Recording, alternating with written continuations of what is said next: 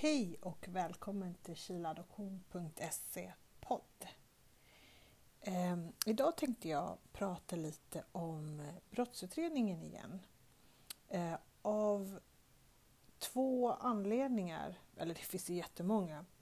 Eh, ett stort problem som vi i föreningen har sett är att man i Sverige inte går ut till de eh, föräldrar som adopterade barn från Chile Eh, och att man inte heller går ut och kontaktar de adopterade själva. Vi är ju vuxna idag.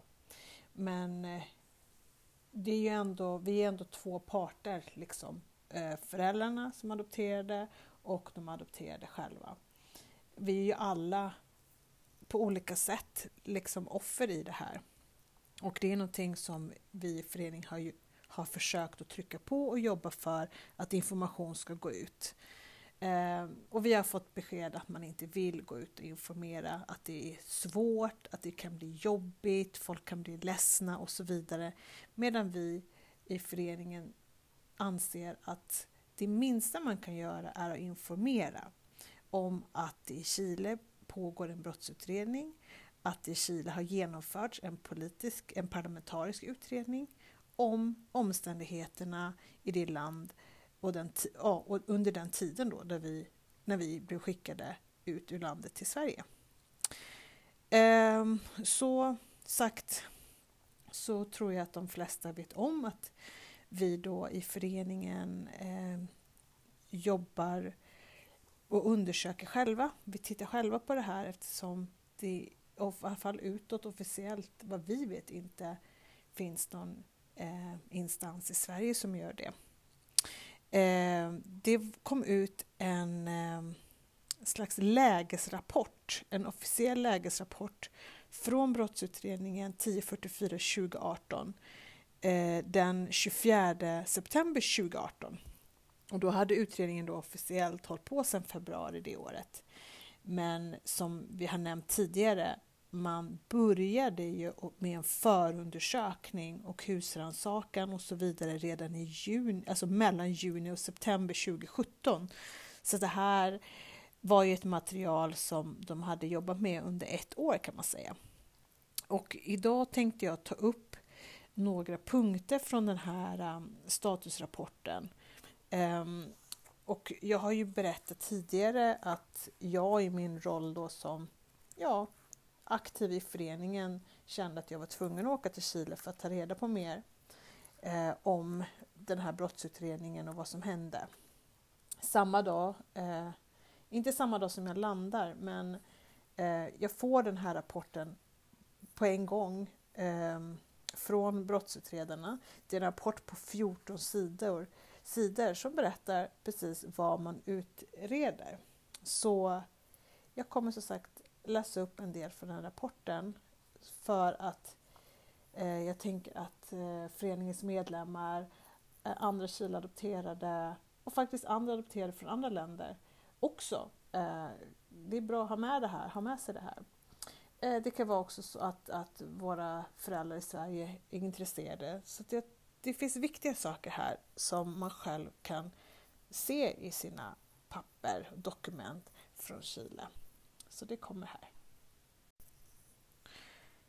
Brottsutredning 1044 2018 är en utredning av barnaro och oegentligheter i samband med adoption. Den här statusrapporten då eh, beskriver hur man arbetar och vad för information man har samlat ihop och varifrån den har kommit och som jag sa tidigare, det här är stämplat med den 24 september 2018. Och man inleder med att berätta att man då genomför den här äh, utredningen i olika stadier. Och att man startade med en förundersökning då i mellan juni och september 2017. Och det var då man hade fått genom husrannsakan tag i material från socialarbetaren Telma Uribe. Och i hennes material så fanns det dokumentation på spanska och det var officiella dokument, en del blev på engelska och då på andra språk också. Och eh, genom det här första materialet man fick tag i så handlade eh, de här fallen om 579 barn som lämnat Chile för att adopteras i utlandet. Och sen i mars 2018 så har man gått igenom eh, dokumentation som finns från Svenska Adoptionscentrum. Och det handlade om eh, fem olika typer av böcker eh, av material då som det fanns i detta material så fanns det liksom socialarbetares eh, rapporter eh, och dessa var gjorda då av Telma Uribe och Esmeralda Quesada. Eh, och genom att man gick igenom det här materialet i mars så kunde man hitta 371 barn till. 371 barn som med säkerhet har skickats till Sverige. Ja, eh, och de har också beskrivit här hur man då har kunnat kolla upp i folkbokföringen i eh, liksom det här systemet som finns på webben. Det heter www.nombreerotifirma.cl eh, Där kan man skriva in eh, namn eh, då på, på barn som har adopterats till utlandet. Eh, så de har kollat igenom till exempel då den, den, här informationen jag ser nu är utöver det som står här. Men brottsutredarna har berättat hur de har sökt på svenska namn i det chilenska systemet eftersom en hel del av oss som skickades till Sverige fick ju svenska namn redan i Chile, vilket man då helst inte skulle ha. Vidare kan man läsa i den här statusrapporten om att man bland Telma Uribes material hittade fler eh, fall. Eh, man har hittat eh, dokument om 201 spädbarn då som har separerats eh, från ursprungsfamiljen eller vårdnadshavaren då eh, som inte har gått rätt till. Vad de har sett. Det står också att de håller på att gå igenom alla de här, allt det här materialet från Esmeralda Quesada som de har eh, beslagtagit. Eh, just eftersom hon arbetade för Svenska Adoptionscentrum och att det främst handlade om barnfall som har gått genom barna, eh, barn och ungdomsdomstolar då i den åttonde regionen, alltså runt Concepcion. Eh, och de tittar på ett eh, barnhem då för flickor men även andra typer av institutioner. Och från henne, då från Esmeralda Quesada, Quesada så hade man hittat 11 olika boxar och när den här rapporten skrevs så hade man gått igenom fem av dessa. Eh, och det, de säger att det har tagit lång tid för att det är lite eh, det finns mycket så, så, att när rapporten skrevs så har de gått igenom ungefär 40 procent av det som kom från henne. Eh, och sen så står det att man har tagit 25 olika arkiveringsskåp eh, från, en, eh, från en person, en katolsk eh, präst, Alcesti Pergiovanni, som var chef då på en chilenskt barnhem som kallades La Quinta de Tilcoco eh, hemmet där de, de här eh, dokumenten handlar om 390 barn. Det finns även ett register över barn eh, från San Ramon Nonato barnhemmet i Curico. Och det har alltså lämnats över frivilligt i den här brottsutredningen och eh, de vet inte hur många eh, barn som har befunnit sig där, står det i rapporten. Sen har de även då, eh, brottsutredarna har även träffat eh, Sename eh, den chilenska barnavårdsmyndigheten. Och de har också lämnat över bakgrundsinformation, eh, kopior av den, den, det material som de har. Eh, från, men det handlar om fall från 1988. Eh, de barn man har registrerat att de har lämnat landet för att bli adopterade. Och det här materialet så uppskattar man att det handlar om 5000 barn. Och de behöver analysera det här. Dessutom så nämns det att de från maj, brottsutredningen då i Chile sedan maj, har kontakt med Kristina Svarts som då är generaldirektör på den svenska myndigheten MFOF. Och där är det då 32 fall där chilenska, då svenska, chilenska, vet det, chilenska barn som adopterats i, i Sverige 32 av dessa fall då har de adopterade själva skickat in. Och sen nämns vi då att eh, det finns en grupp chilenska adopterade där Maria Dimar då jag representerar gruppen och kommer komma till Chile och har fall då som vi vill ska med i utredningen. Och så vidare. Eh, ja, och eh, det, det, det, det är mycket information. Det är 14 sidor information, men Adoptionscentrum, eh, den svenska adoptionsbyrån, deras namn och deras avlönade nämns upprepade gånger. Vidare i rapporten från brottsutredningen från den 24 september 2018 så har man skrivit om det första huvudsakliga registret man har på 1238 barn.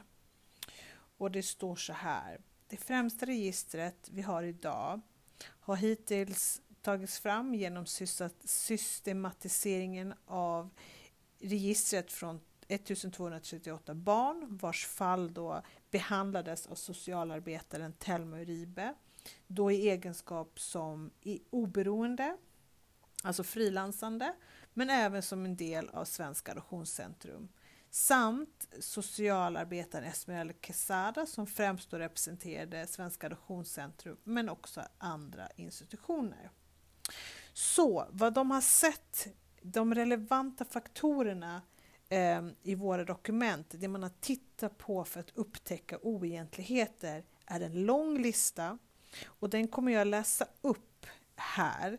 Eh, listan, det är vissa mm, punkter som försvinner på grund av översättning, men jag vill ändå läsa upp den här för att ge en bild av vad det handlar om. Det är chilens, alltså vad brottsutredningen tittar på.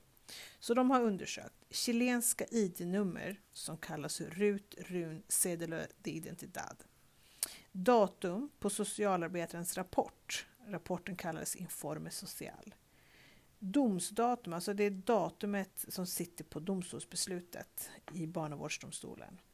Behandlingsdagar, alltså hur lång tid tog ens fall, alltså processen. Eh, anteckningar från socialarbetare ursprung, alltså var man geografiskt kommer ifrån.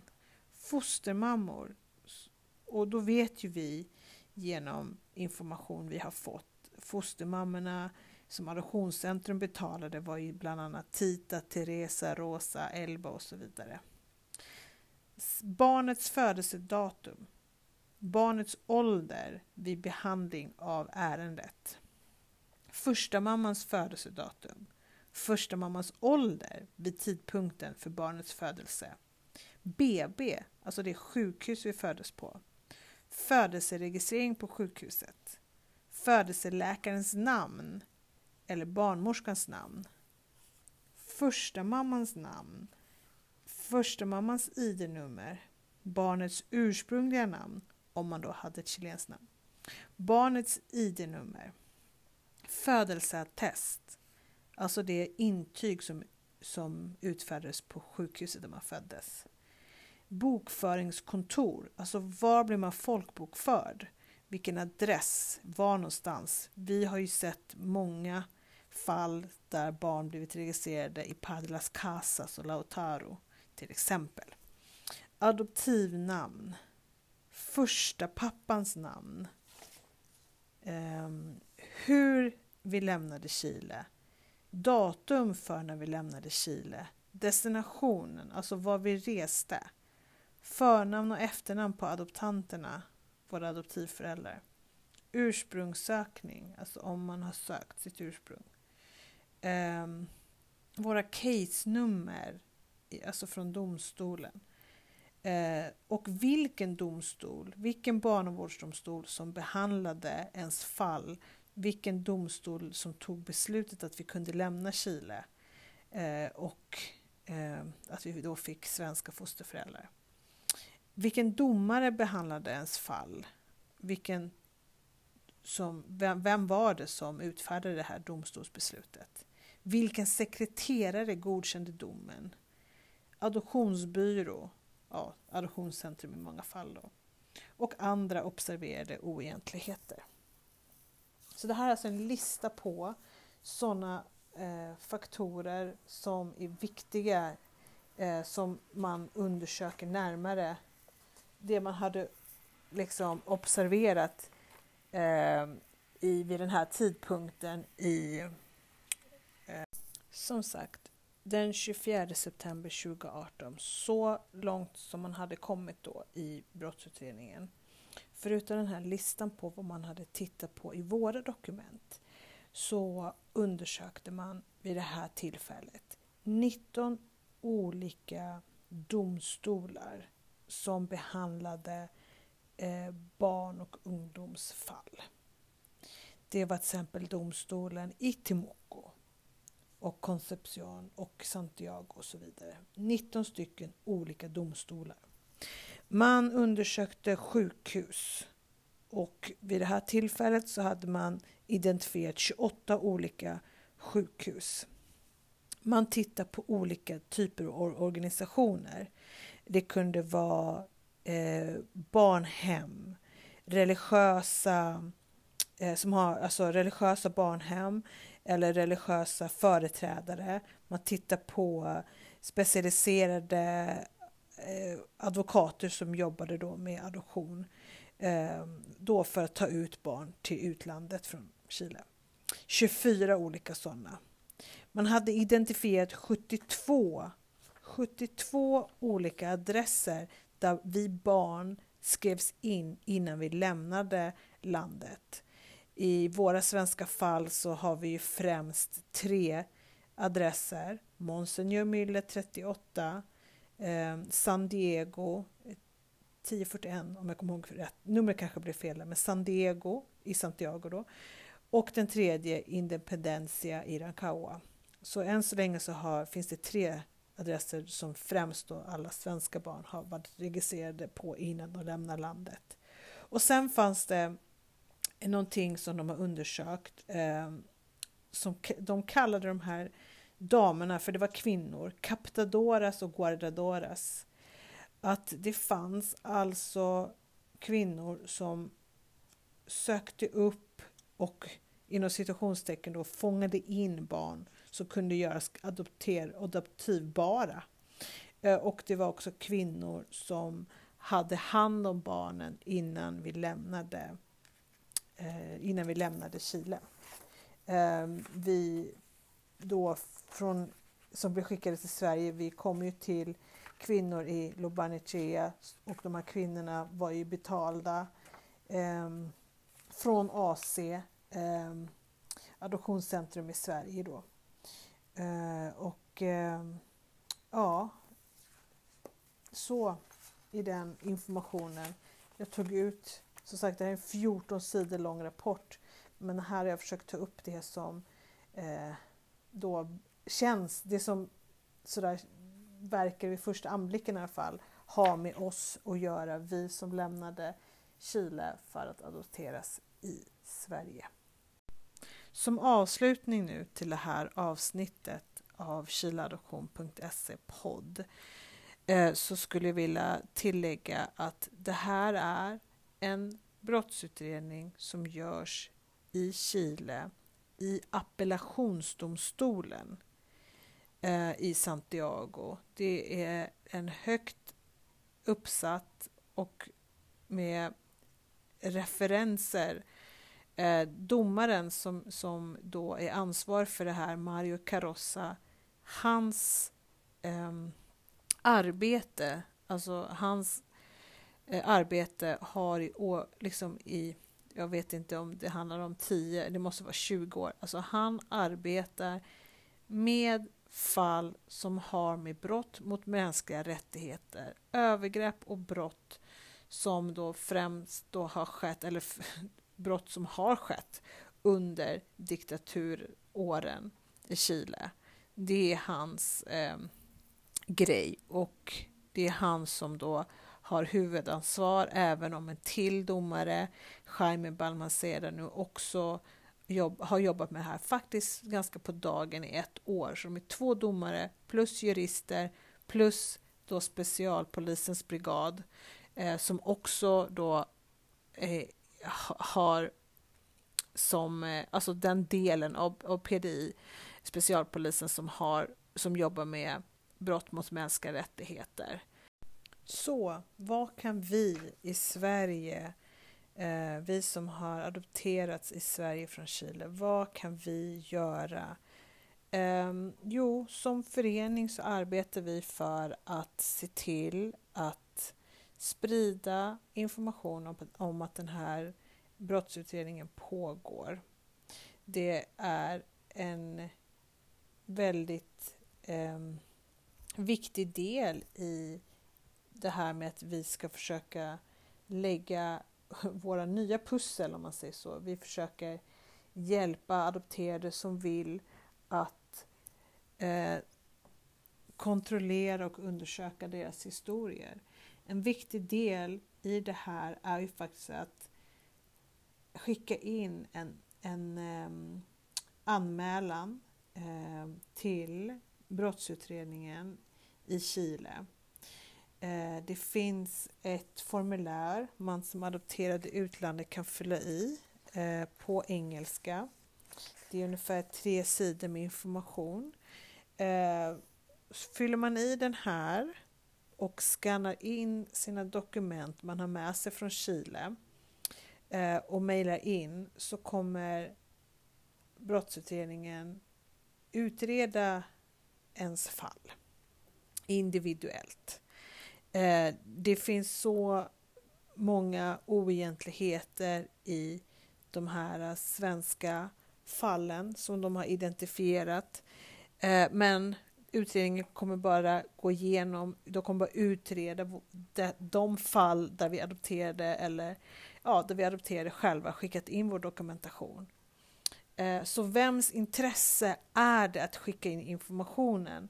Alltså, man kan skicka in sin information till brottsutredningen och det finns alternativ när man fyller i den här om man vill ta del i ett eh, typ av register där eh, folk som söker sitt ursprung eller föräldrar som söker efter sina försvunna barn, där de finns. Man kan välja att, att man vill vara med i det eller inte. Man fyller i det i papperna här.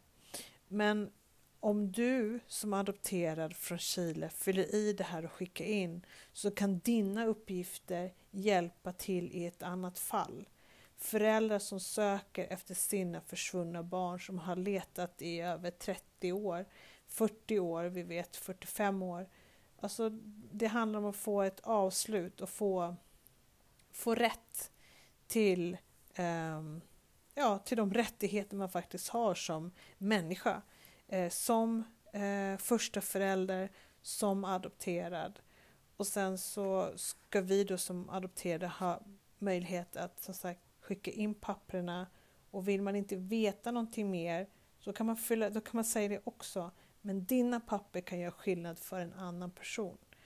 Och det är klart att det inte finns något intresse, eh, vad vi har sett från svensk sida, eh, från myndigheter, från staten, från Adoptionscentrum att vi ska skicka in de här papperna. Eh, men för adopterade som vill ha sin historia, som vill veta sitt ursprung.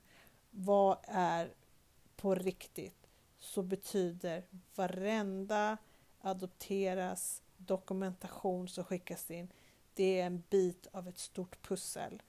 Och vi vet idag att adoptions... Vad säger jag? Vi vet idag att brottsutredningen de har identifierat, de vet att de skulle behöva gå igenom 20 000 fall där barn har lämnat Chile och adopterats i utlandet. 20 000 fall. Det är en svindlande siffra. Och vi vet att vi är 2200 i Sverige. Så jag hoppas att fler känner att de vill ta den lilla stunden du tar och fylla i det här, de här dokumenten och eh, scanna in sina papper och skicka in. Vi i Kiladoption, kontakta oss info kiladoption.se så kan vi lotsa igenom det här. Vi, har, vi försöker dela med oss med det här formuläret som man fyller i, eh, det som är på engelska. Så jag hoppas att så många som möjligt tar, tid, tar den här lilla tiden, den här stunden och faktiskt fyller i. Vi vet att ungefär 100 av oss har gjort det redan, men vi är över 2000 så vi hoppas att så många som möjligt faktiskt hör det här. Eh, jag har själv berättat i en annan podd mitt fall i fall 74 i brottsutredningen. Men som sagt, det är så många fall. Tack för att du lyssnade.